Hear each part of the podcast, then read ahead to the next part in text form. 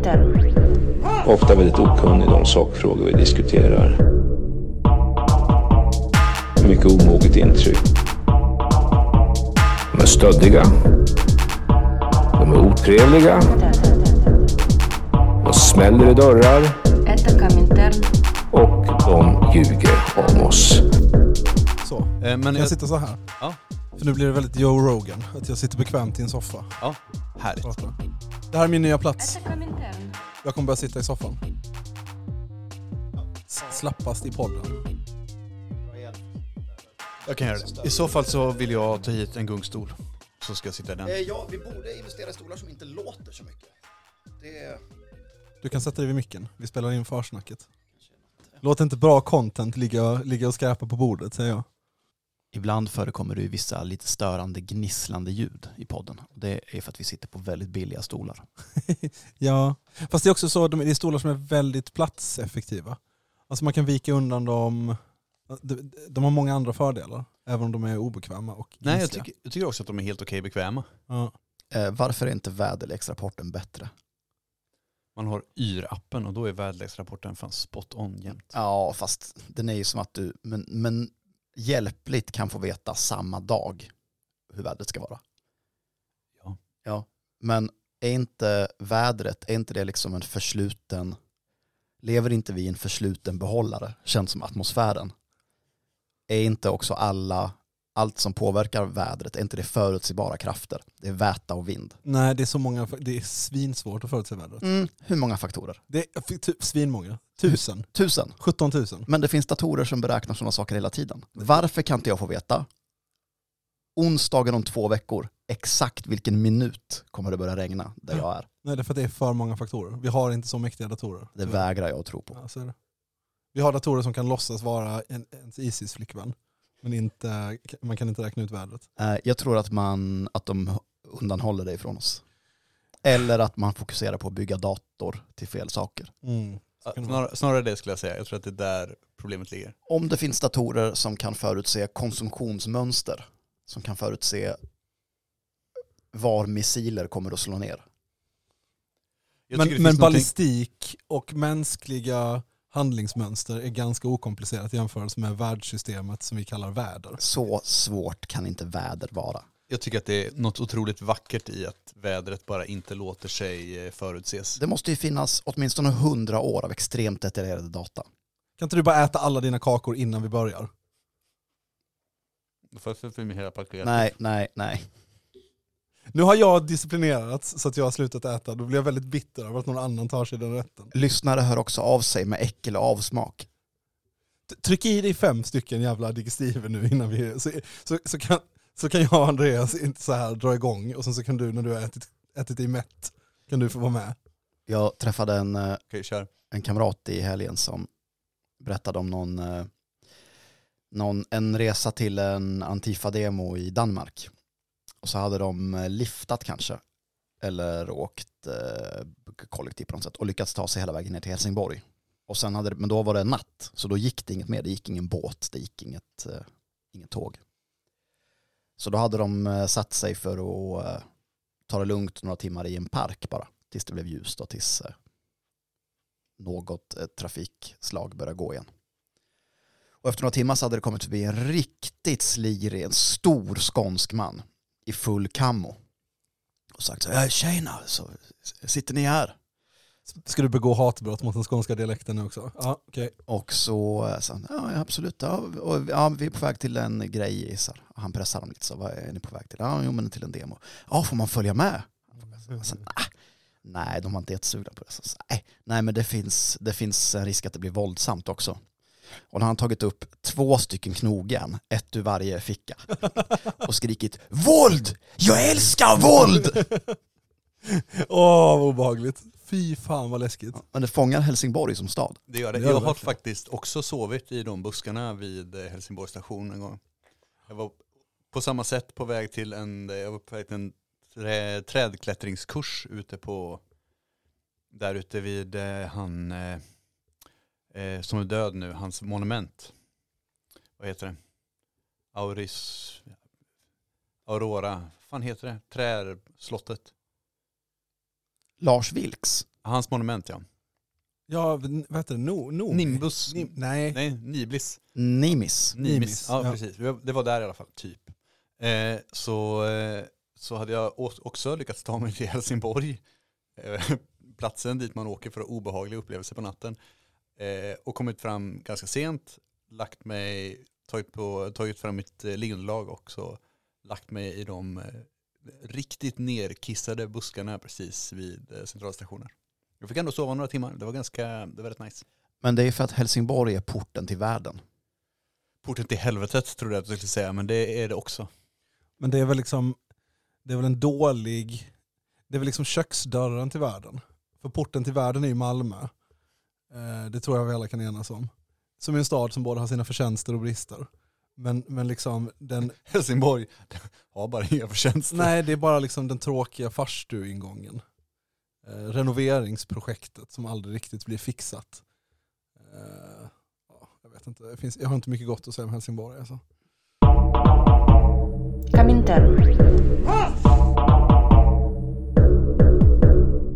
Ja, det är Patreon-podd. Det är min Patreon-podd. Det stämmer bra det. Jag, jag läste en, eh, en, en, en väldigt fantasieggande och kittlande artikel som jag vill tala om. Ehm, som jag har glömt eh, titeln på såklart. Den, eh, jag läste den på, eh, jag fick den skickad till mig av en kamrat som var eh, eld och lågor för att det fångar väldigt mycket av vad ja, både han och jag tycker är coolt här i världen. Så här lyder titeln. On the trail of the dark avenger, the most dangerous writer in the world. Det låter ju jättecoolt, eller hur?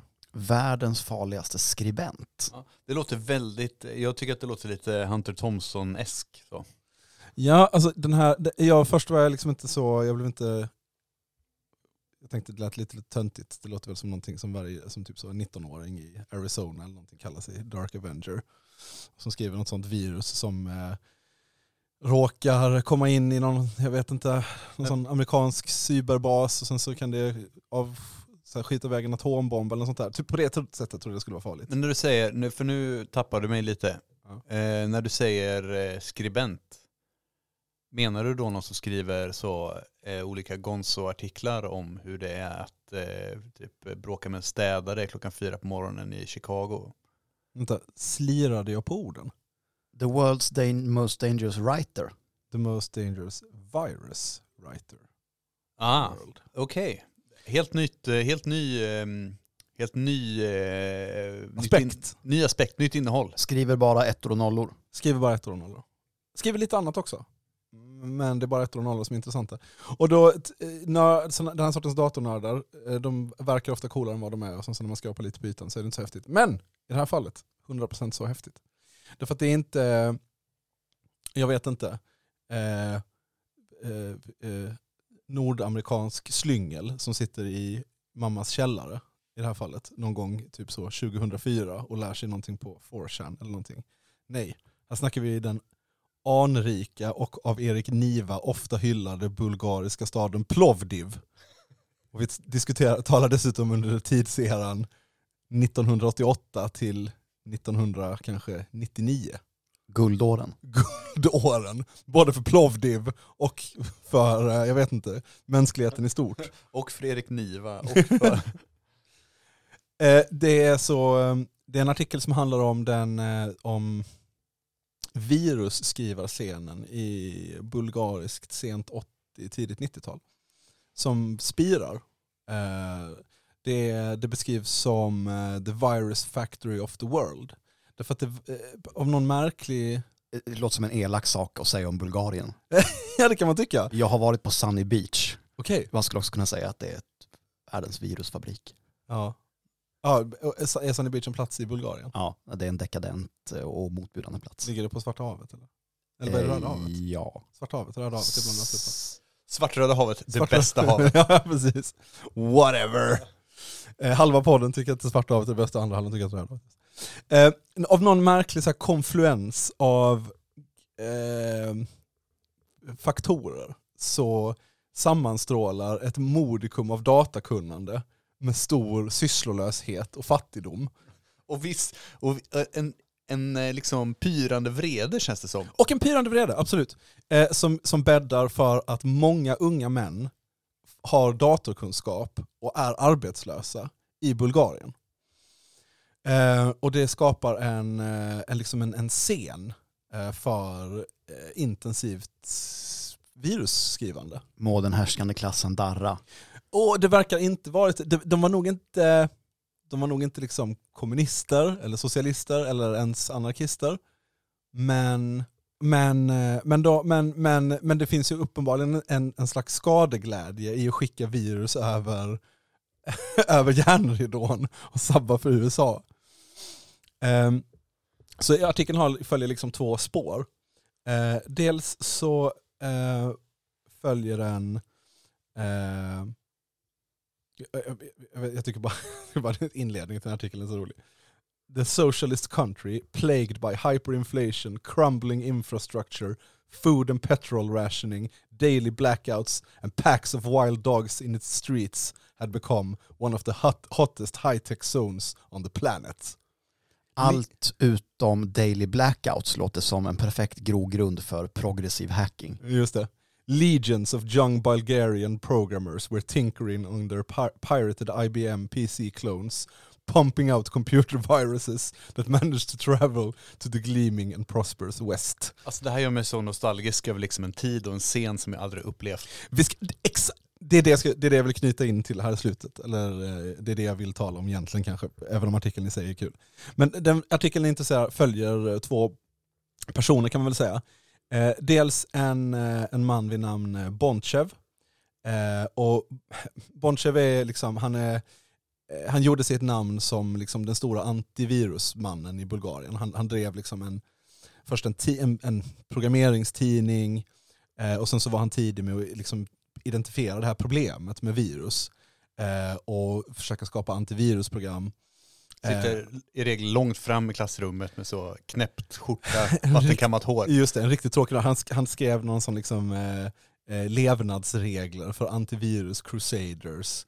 Och när andra virus crusaders, eller andra, andra antivirus eh, programmerare då eh, kanske ibland skapade egna virus och sånt så hade han en strikt etisk kod att man aldrig fick pilla med ett virus eller vad det var. Och det finns, eh, man får skriva egna och det finns också fantastiska scener i den här artikeln när han eh, då får höra talas, han får nys om ett virus, ett nytt virus.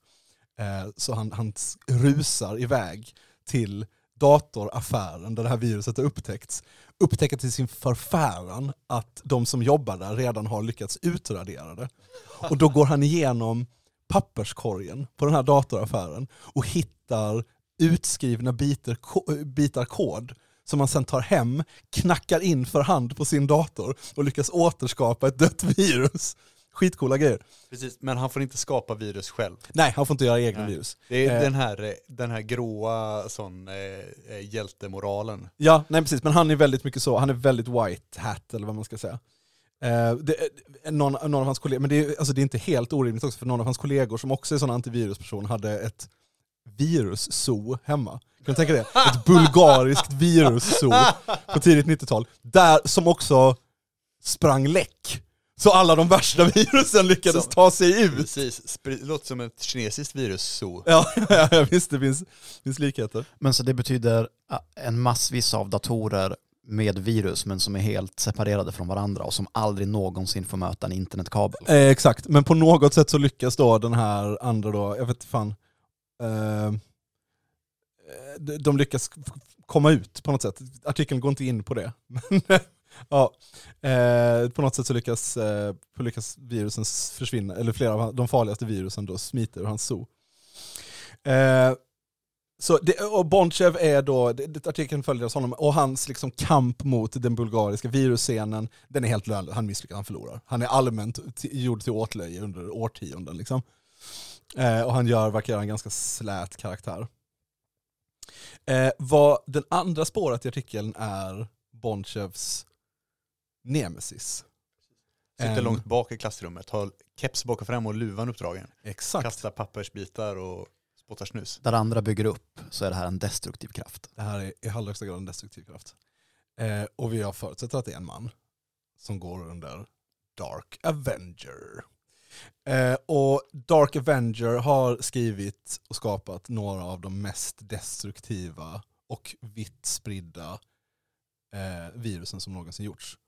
Och är till denna dag helt okänd. Vi, vi vet inte vem det är. Dyker, dök bara upp på sådana här under, bulgariska underground virusforum och var fruktansvärt elak mot andra människor. Bara en dryg jävel. Eh, och på alla olika sätt eh, verkar vara osympatisk och otrevlig. Eh, och hatade Bonchev. Hatade Bonchev. Och försökte i alla år, och skrev in i sina virus speciella anti-Bonchev klausuler och regler. Som om viruset någonsin kom till att inse att den var på en, bon en av Bonchevs datorer så skulle den gå helt bananas. Det är intressant.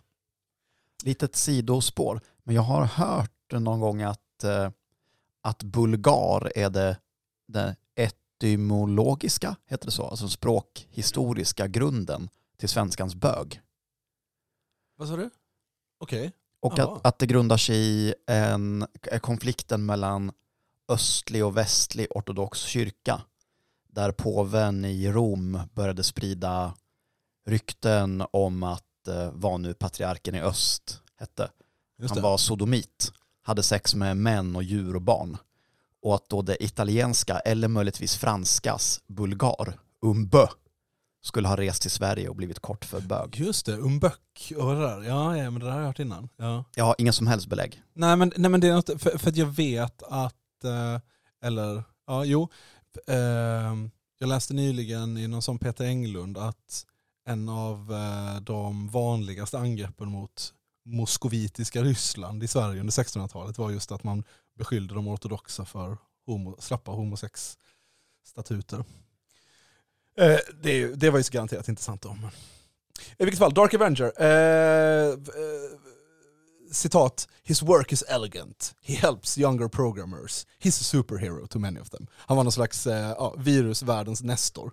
Eh, ja, han är schysst mot andra virusprogrammerare då. Han är bara jävligt elak mot alla andra. Han är, han är, han är en härlig kille om, han är, om man vill förgöra världen. Men är han intressant av att berika sig själv på något sätt? Alls inte. Nej, nej, nej. nej, nej det finns ingen... Eh, Han njuter av tanken på att skicka potenta digitala bomber över Mm. muren bara. Mm. Eh, och ingen får liksom någon slags kontakt med honom, han håller sig helt och hållet under radarn. Jag menar, alltså, det här är inte en gigantisk scen heller. Alltså, Bulgarien, jag vet inte hur många människor som bor i Bulgarien, men det är ju inte jättemycket, det är inte ett superfolkrikt land. Och det är ju inte stort heller. Men han, eh, det är ingen som vet, eh, fick reda på vem han var. Eh, till slut så lyckas eh, en... Eh, eh, vad heter jag vet inte vad man ska kalla henne riktigt. Eller, alltså det, en, det, det dyker liksom upp en tredje person i den här artikeln, någonstans eh, två tredjedelar in, eh, som eh, eh hon eh, hon beskrivs som någon slags, hon, hon växer upp i extrem fattigdom i, håll i er nu, östra St. Louis i Missouri. I sån white trash, eh, extrem ja, fattigdom, bara typ i en soptunna mer eller mindre. Samma tid. Ja. Sent 80 till 90. Ja. Fast på andra sidan muren, i en husvagn. I en Säkert husvagn. också sådana packs of wild dogs roaming the streets. No heat or running water, dropped out of school when she was 14, ran away from home. Men sen at 17 she received a high school diploma by passing every exam the school offered despite not having taken any of the classes. Alltså någon slags geni. Eh, så, autodidakt och eh, eh, idiotsavant. Fast utan att vara idiot, bara en savant. Eh, och sen så någon gång runt 1990 så snubblar hon över sin första dator. Eh, en second hand IBM PC. Och då händer det någonting hon bara wow, vilken fantastisk grej det här är. Och sen efter det så viger hon sitt liv åt datorer.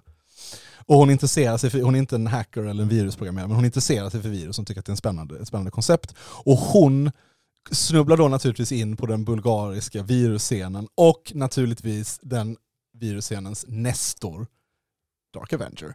Eh, och hon är den enda som får, har haft någon slags kontakt med Dark Avenger. Eh, som har pratat med honom. Alltså Eh, pratat face to face liksom, nej, nej de, har mailat, de har mailat. De har mailat de har inte pratat, ja. de har inte bytt, eh, de har, liksom, han, de har aldrig hört varandras röst eller sådär.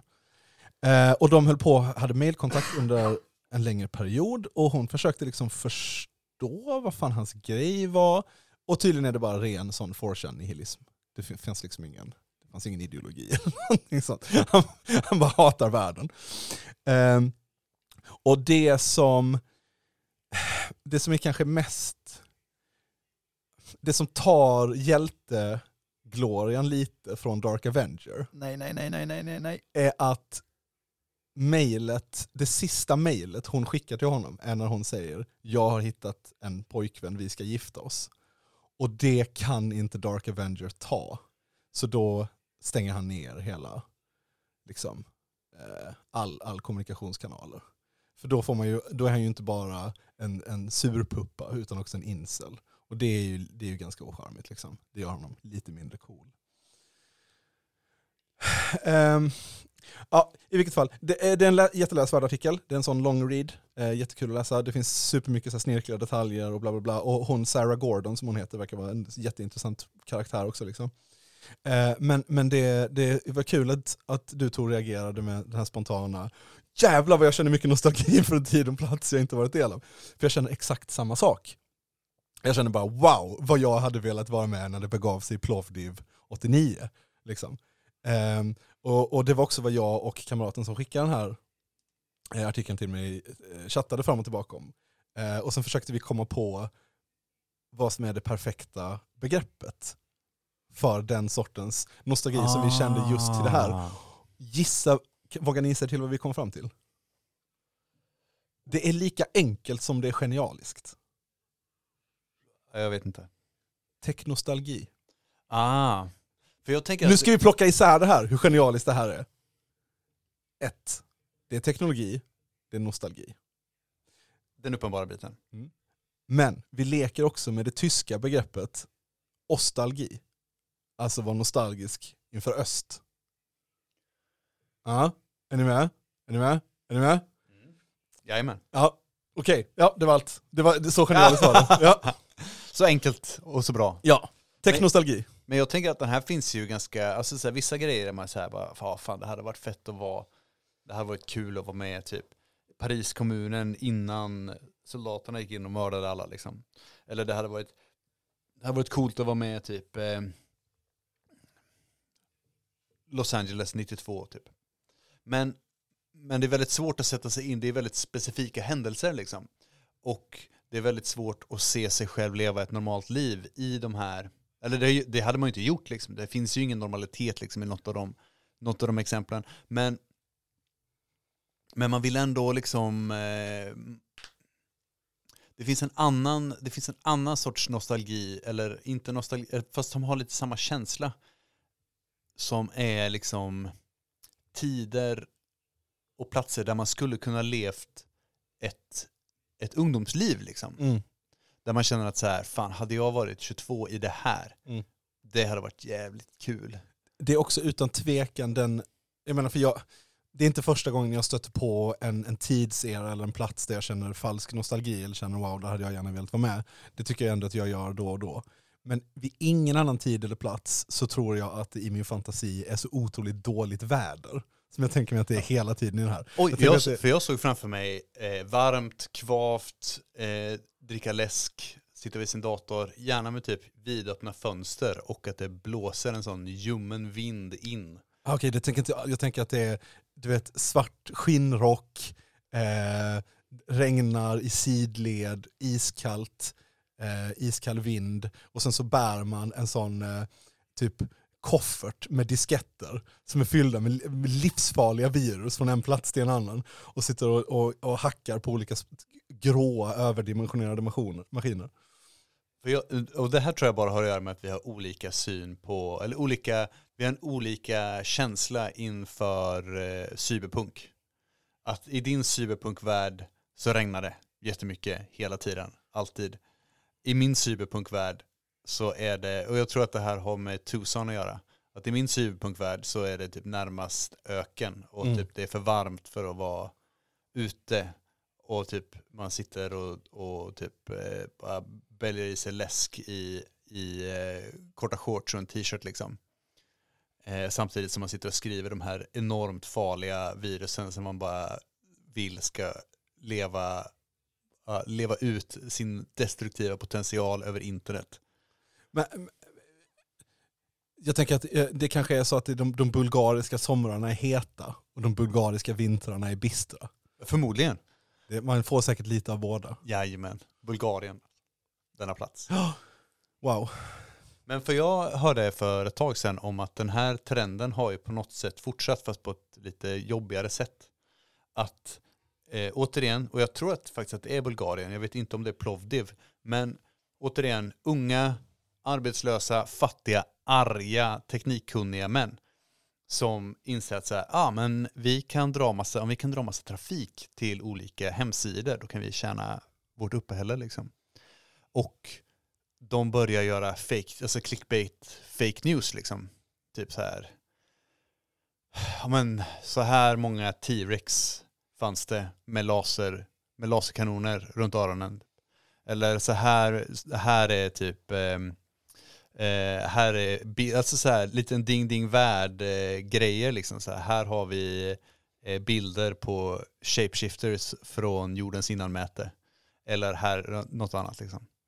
Men så fort det amerikanska presidentvalet drar igång, då inser de att vad som helst som vi skriver om Hillary Clinton kommer dra svin mycket trafik. Så att hela den här fake news, eh, liksom desinformationsgrejen, att den kommer därifrån. Och att den inte är liksom, det är inte så här en, en mörk rysk komplott liksom. Att så här, ah, vi vill att Trump ska bli eh, president i USA för han har mycket bättre inställning till Putin. Liksom. Det finns inga så här geopolitiska mål, liksom, utan det är folk som bara, ja, men, vi kan skriva vad fan som helst. Republikaner tror på precis allting och, och länkar och delar det jättemycket. Och sen så drar de in reklamintäkterna för det här och blir, blir rika. Liksom. Och det är en by någonstans i Bulgarien där det här, eh, där det här händer. Liksom. Så jag undrar vad fan finns det, vad är liksom delarna i det bulgariska samhället som driver de här eh, ut, eh, uttrycken av liksom destruktiv digitalitet? Destruktiv digitalitet är någonting man hade kunnat ha på en, på en backpatch. Uh, ja, nej, ja, bra fråga. Blir det en eh, Plovdiv 89 tisha kanske? Det hade ju varit ganska tufft. I survived Plovdiv 89. Jag, jag talade i, i vintras, stötte jag på en, en snubbe som eh, han jobbade på vattenverket eller något sånt där i Kungälvs kommun. Så frågade jag, ah, okej, vad, gör- vad gör du där? Du är någon slags tekniker. Han bara, ja men IT, IT-tekniker med säkerhetsansvar. Jaha okej, så, så så kolla så att det inte, eh, jag vet inte, rör, de internetrören rostar igen. Och så. Nej men alltså från cyberattacker. Skrockar jag lite, så här, vadå cyber? Kungälv kommuns vattenverk. Nej nej men det är, det är tydligen så att varje dag kontinuerligt, även i små svenska skitkommuner, utsätts för en, så, en, en stadig ström av intrångsförsök från antingen statsaktörer eller eh, frilansare, alla Dark Avenger, som bara försöker sabba lite någonstans. Eller kanske inte sabba så mycket som kolla möjligheten ifall att man någon gång skulle behöva veta att det fanns en lucka i säkerheten där. Alltså jag har ju en, ehm, ett guilty pleasure. Eh, Att angripa att skriva extremt farlig viruskod. Nej, tyvärr så är jag helt eh, digitalt eh, analfabet, kan ingenting liksom. Eh, men eh, men eh, mitt guilty pleasure är att läsa ganska tunga böcker om geopolitik.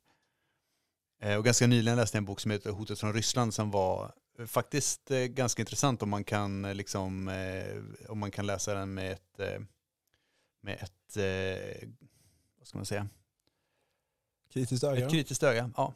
Men de pratade väldigt mycket om att så här, om hur, hur liksom Eh, det finns, eller Ryssland har liksom satt i system att gå in i olika, försöka göra intrångsförsök precis, precis hela tiden.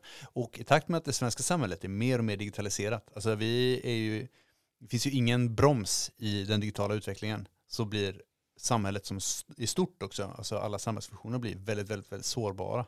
Och det är ju nice i vissa, i vissa fall. Alltså jag hade ju inte tyckt det var tråkigt om någon bara gick in och wipade allas brottsregister. Det hade varit svinkul. Men eh, det finns också typ, alltså så här, folks pa- patientjournaler, alla sådana här, eh, eller typ att, det finns vatten i kranen eller att eh, lampan tänds när man trycker på knappen liksom. Så allt det här är ju svinsårbart ju mer man digitaliserar. Och det är ingen som på något sätt höjer ett varningens finger, förutom jag i detta nu, som höjer ett varningens finger och säger att det här, det här är fan en dålig utveckling. Borde avdigitalisera mer, mer analogt. Och det är, bara den tanken är omöjlig. Alltså jag tycker det, det finns ju inte på den politiska horisonten att det skulle hända. Nej, nej, absolut Det inte. finns ju liksom Absolut inget, inget politisk, det finns ingen politisk kraft bortom du Det i är den här podden som, på, som driver det avdigitalisera mera. Liksom. Nej, precis. Det är ju jag och Ted som har den här idén. Liksom. Ja, du och Uncle Ted. Vad skulle ni avdigitalisera först? Hmm. Pengar tror jag. Ja, alltså att, att strypa Swish och helst kort också. Men alltså jag säger det lite Bara skämt. kontanter. Ja men alltså, för att eh, precis innan vi började spela in så talade vi om, du kan fylla i detaljerna här Andreas, för jag fick precis höra om det, om eh, en eh, ganska omfattande eh, gryningsrädssvep som tyska staten gjorde, där en hel grupp eh, miljöaktivister eh, togs, omhändertogs, eller jag vet inte riktigt. Ja, nu, nu jag har eh, läste nyheten bara som hastigast i morse och då var det ännu under uppdatering. Men som jag förstod det så var ju inte ens brottet till exempel blockader av en motorväg. Utan brottet är att ha samlat in ekonomisk stöd till kriminell aktivitet. Ja, just det. Eh, och då, och ja, det är ju, eh, det, det blir väldigt, väldigt svårt att leva liksom, ja, lite, lite på marginalen av samhället eller lite utanför, eller lite utanför statens kontroll om pengar är helt och hållet digitalt. För då är det ju väldigt, väldigt spårbart hela tiden. Så kanske, är det, kanske får man mest utrymme som revolutionär om pengar är, jag vet inte. Alltså, jag, ju, ju äldre jag blir, och jag blir äldre i ett rasande tempo vill jag säga, eh, så blir jag ju, jag får mer och mer sådana här, bara nej. Och inte ens ideologiskt, utan bara så här, nej. De svinen ska fan inte lägga sig i, alltså. de ska fan inte ha något. Jag vill bara kunna bli lämnad i fred, helt utanför, eller kanske svårt att koppla bort helt och hållet från mina ideologiska tankar och idéer. Liksom. Men även om man inte är revolutionär, man vill bara, jag vill bara kunna vara utan att staten håller på att lägga sig i hela jävla tiden och ska ha kontroll över olika saker. Jag pratade om det där med en kamrat också, som han, han, han berättade om eh, eh, skillnaden i filosofi mellan den svenska och amerikanska staten. Att i USA så måste man, då måste man söka upp staten för att be om ett social security number. Man måste höra av sig till sin lokala delstat för att få vara en del av sjukvården och så vidare. Och så vidare. I Sverige är det åt andra hållet. Att staten blir ju, vad är det man får? Tre viten och sen fängelsestraff om man inte registrerar sitt nyfödda barn och ger dem ett personnummer. Liksom. Och ett namn. Typ. I, I USA så kan man ju i mycket större utsträckning, i alla fall i vissa delstater, helt enkelt bara pff, flytta ut i skogen och skita i allt. Och det för ju naturligtvis med sig en hel rad nackdelar. Eh, som i att man inte får tillgång till typ sjukvård. Så om man slår i tån och får eh, Ett nageltrång Ett som lite nageltrång, så- infekterat. så kan man dö. Eh, men eh, om man inte är miljonär. Men ja, swings and roundabouts. Ja, jag lever ju liksom i på något sätt villfarelsen i att livet, på, att livet i stan är extra kontrollerat. Att livet på landet är mindre, det finns mindre kontroll. Men det är bara för att, det inte, att jag inte behöver se polisen hela tiden och typ, det flyger inte så polishelikoptrar över mitt hus med jämna mellanrum. Nej, det finns väl mindre kontroll men mindre möjligheter också. Om du fattar vad jag menar. Man kan göra mer, men vad fan, vad är det för saker man kan göra? Man kan åka runt, runt, runt i sin Volvo. eh, Man kan sitta och skriva svingiftig kod på internet Ja, men det i, kan man i göra. en lada någonstans i en granskog. Och Just- där kan det både vara varmt och kallt ska jag säga.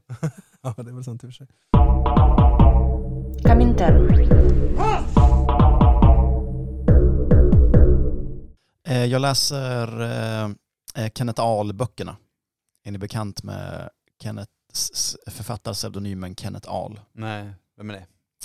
Eh, Kenneth Ahl var en journalist, tror jag, och en eh, kåkfarare på 70-talet som träffades därför att eh, journalisten skulle sätta upp en eh, pjäs eller något med eh, fängelsekunder. Och så förstod de att de tillsammans hade förmågan att att eh, skriva om eh, eh, 70-talets underjordiska Sverige på ett väldigt bra sätt. Så att det gör de i första debutromanen Grundbulten som handlar om att ett brott begås på fängelset Hall. Och så alla de otroliga, mer eller mindre kriminella och narkotikaförsjunkna karaktärerna som lever på Hall. Och sen så ska, är det en sån konflikt mellan staten och eh, fängelset eh, samtidigt som det såklart finns ett eh, oerhört politiskt fångråd på Hall som också försöker lösa brottet. Vilket också fanns på 70-talet. Alltså eh, fängelseråden på 70-talet, det var fan, eh, det var fan fett alltså. Och eh, lyftet eh, handlar om, för huvudpersonen i boken heter också Kenneth Ahl. Lyftet handlar om när han kommer ut och ska göra det stora lyftet, det vill säga den stora stöten som gör honom fri ifrån livet på plattan. Skitbra. Eh, sen så hakar eh, eh, journalistens eh, flickvän på det här skrivarkollektivet och med henne så kommer också Anders Lönnbro, skådespelaren och Göteborgs eh, kommunisten. Och sen skriver de två böcker till innan eh, fängelsekunden, som jag har glömt vad han heter nu, eh, ledsnar lite på eh, RR-tugget, för de är såklart då oerhört övertygade stalinister allihopa och han ledsnar på det och vill inte vara med. Så fortsätter de skriva två böcker till som jag tror är skit. Men de filmatiseras också några av de här. Jag har inte lyckats se de filmerna än. Men Mm, det, intressant. det ska Nej, vara bra. På 70-talet eller? Ja, det utspelar sig väl, de skriver väl böcker mellan 70 och 80-tal tror jag. Jag minns, eh, fan om det var Peter Dokumentär, där, det, där de tar upp något av de här fängelseråden. Där det ska hållas... Men det måste vara strejken 77 va? Hungerstrejken 77. jag tror inte det handlar om det, men, det, men, eh, men, det, ja, men i vilket fall, det var så kul därför att då, då gjorde, vad, vad fan heter han, Clark? Vad heter han i efternamn? Olofsson? Clark Olofsson, just det. Han, eh, han ringde runt till folk personligen på olika anstalter som gjorde min av att bryta strejken och hotade dem med stryk. Och det tycker jag, det är ändå ett effektivt sätt att ha Clark Olofsson i, eh, liksom in the picket line. Det, då, då vet man att då, då håller folk sig på rätt sida. Det var ju ett kvinnofängelse som eh, började strejken. Minns inte vilken, Hinsedal kanske? Eh, eller Hinseberg. Kvinnorna på Hinseberg som började strejken. Och, sen så, och då spred den sig till Hall efter det. Just det.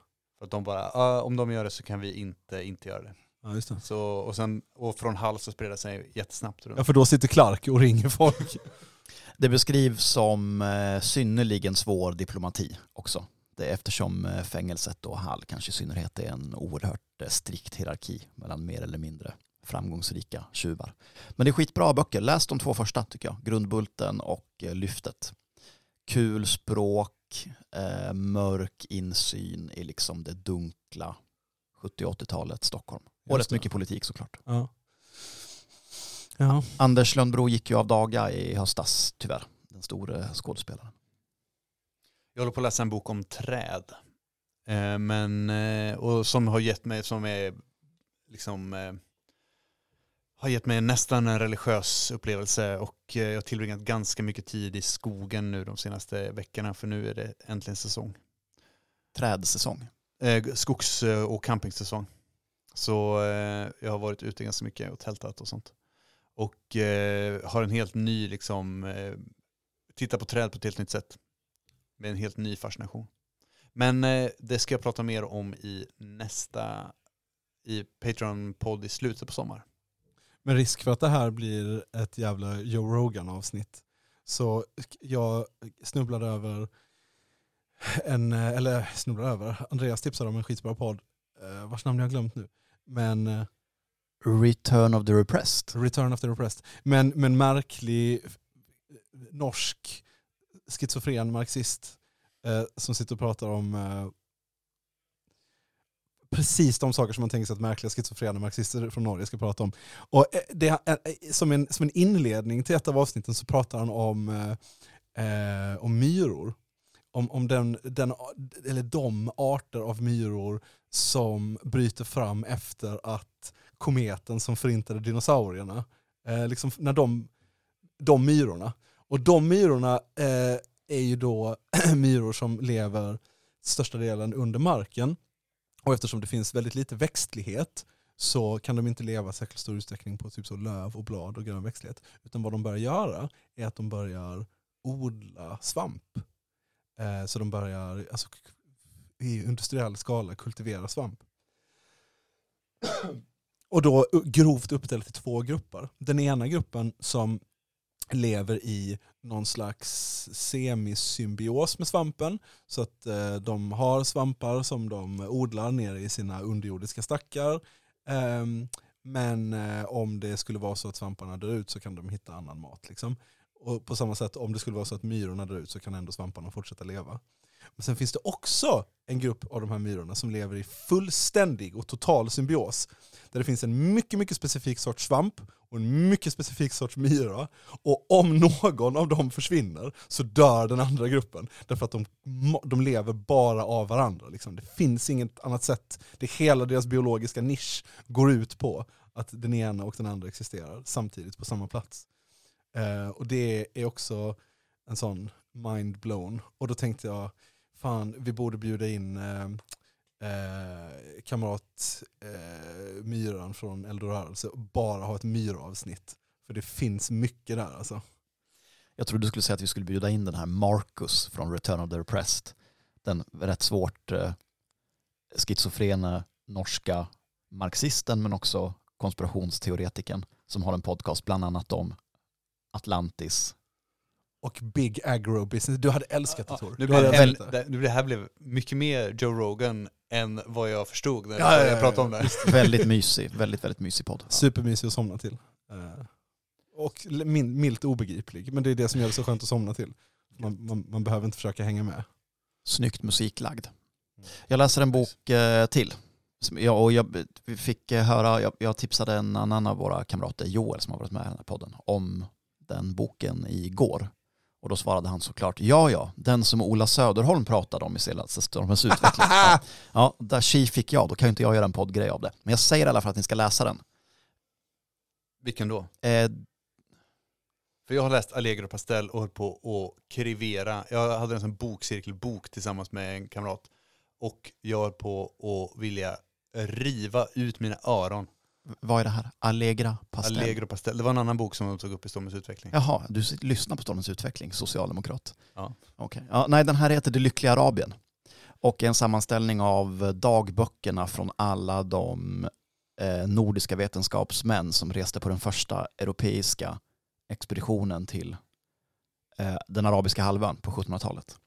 Så fascinerande insyn i konflikten mellan eh, svenskar och danskar, men också i de enorma hinder som man möter när man ska ta sig sjövägen från Köpenhamn till eh, huvudstaden i det som idag är Jemen på den tiden. Otrolig bok. Ja, det låter Helt fångad. intressant. Ja.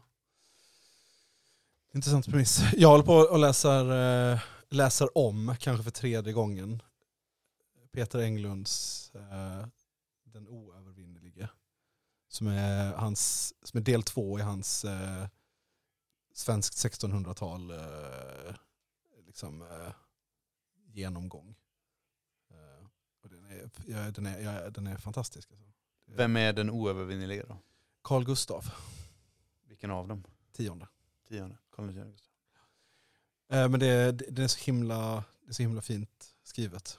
Eh, jag- vet inte vad, vad det är just Peter Englunds prosa som gör det för mig. Men jag, jag, jag är helt eh, överväldigad läser. Någon gång ska jag ha en Patreon-podd om svensk stormaktstid. Det tror jag kan bli intressant.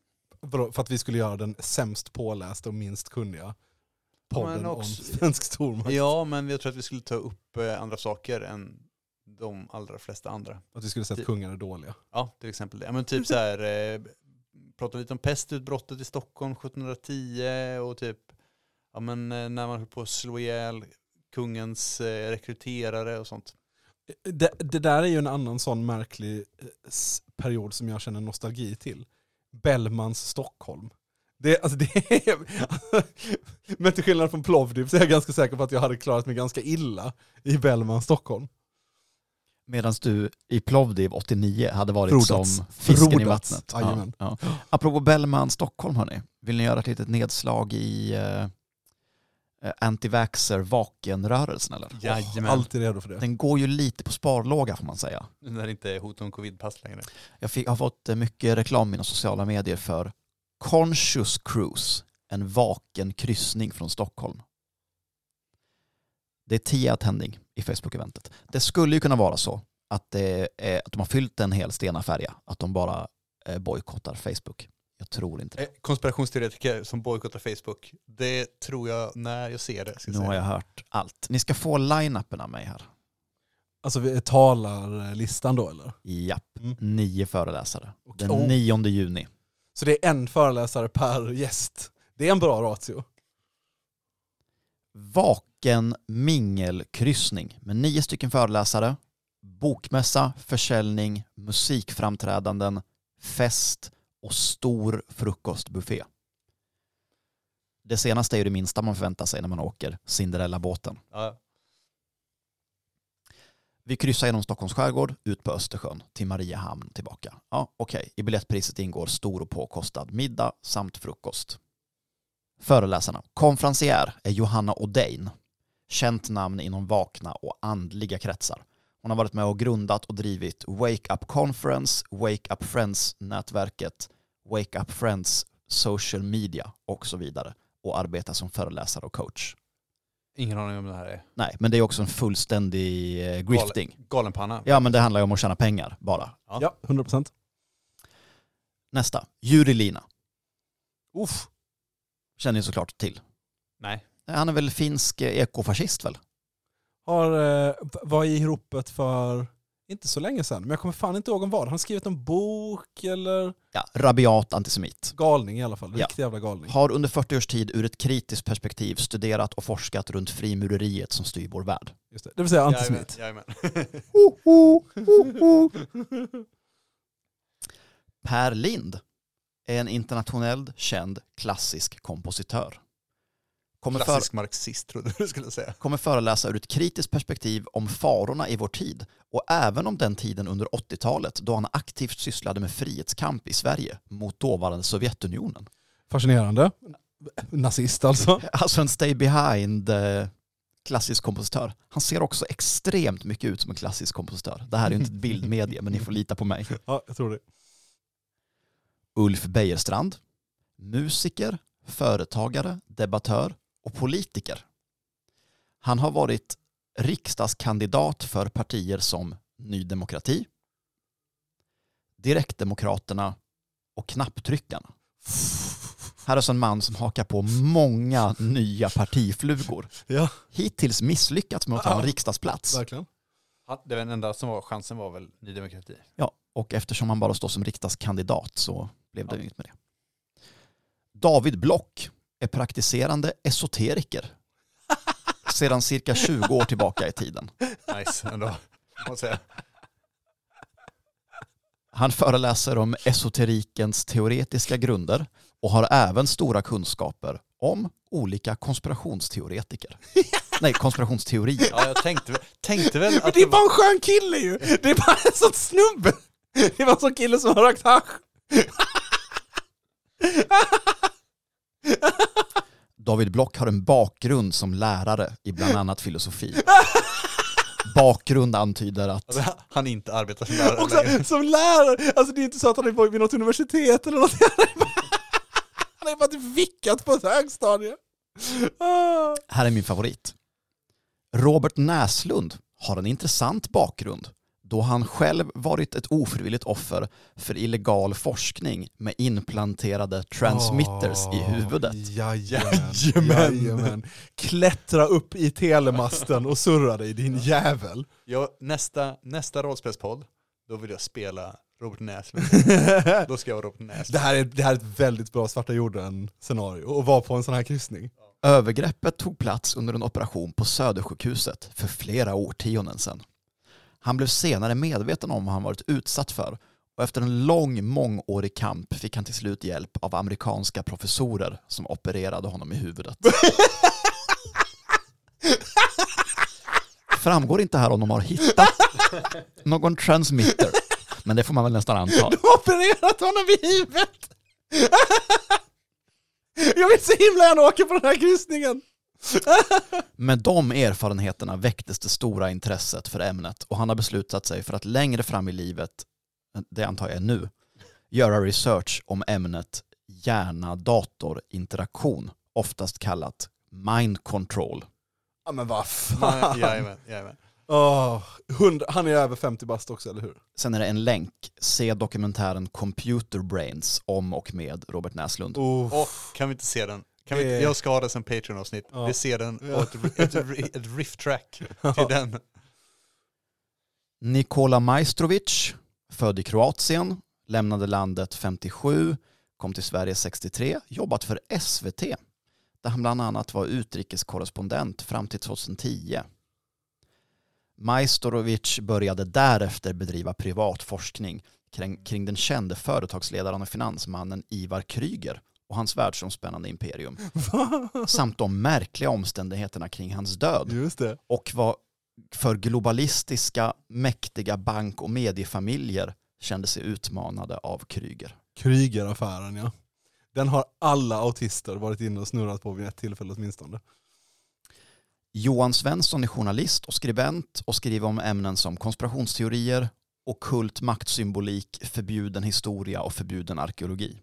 Också, också Nice. bara, en, bara bara en skön kille. Ja, fast också som tycker att, eh, som är mer intresserad av tyska pansarvagnar än ryska pansarvagnar. Under Garanterat. andra världskriget. Och journalist är också så, han har en blogg. Ja, ja, ja, ja. Jesper Johansson har arbetat för de flesta fria medier i Sverige. Nazis. Sist. Och skriver främst om politiseringen av räddningstjänsten. What? Den var en curveball alltså. Jag har så Det är inte... inte riktigt det vill skriva om! För det handlar bara om att man är Sverigedemokrat och inte tycker att slutar skjuter tillräckligt många människor. Det är bara det, eller hur? Eller hur? är det bara Jag vill det också det bara säga att... Politiseringen av Men, räddningstjänsten! men jag vill säga att polisen ingår inte i räddningstjänsten. Han tycker det? Ja, ja, ja, men så är det inte. Nej, nej det gör de inte. Bland utställarna finns personliga tränare, yogalärare, healers, kinesiologer och försäljare Ah. av högfrekventa kristaller. Varför inte? Varför inte? Bring them all on. Absolut.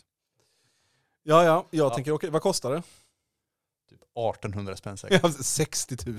Ja, det är otroligt dyrt och det visar sig att på grund av tidsbrist vad gäller själva konferensdelens öppettider ombord på fartyget så kommer minst tre av de totalt nio föreläsarna efter kryssningen föreläsa en konferenssal i Stockholm. Ni får veta vilka först under resan. Ja men vad fan. Ha. Ja, ja. Scammers gonna scam hörni. Jo, det där kommer ju 100% bli inställt också. Men man kommer inte få tillbaka sina 6000 spänn eller någonting. Nej, nej, nej, nej, nej.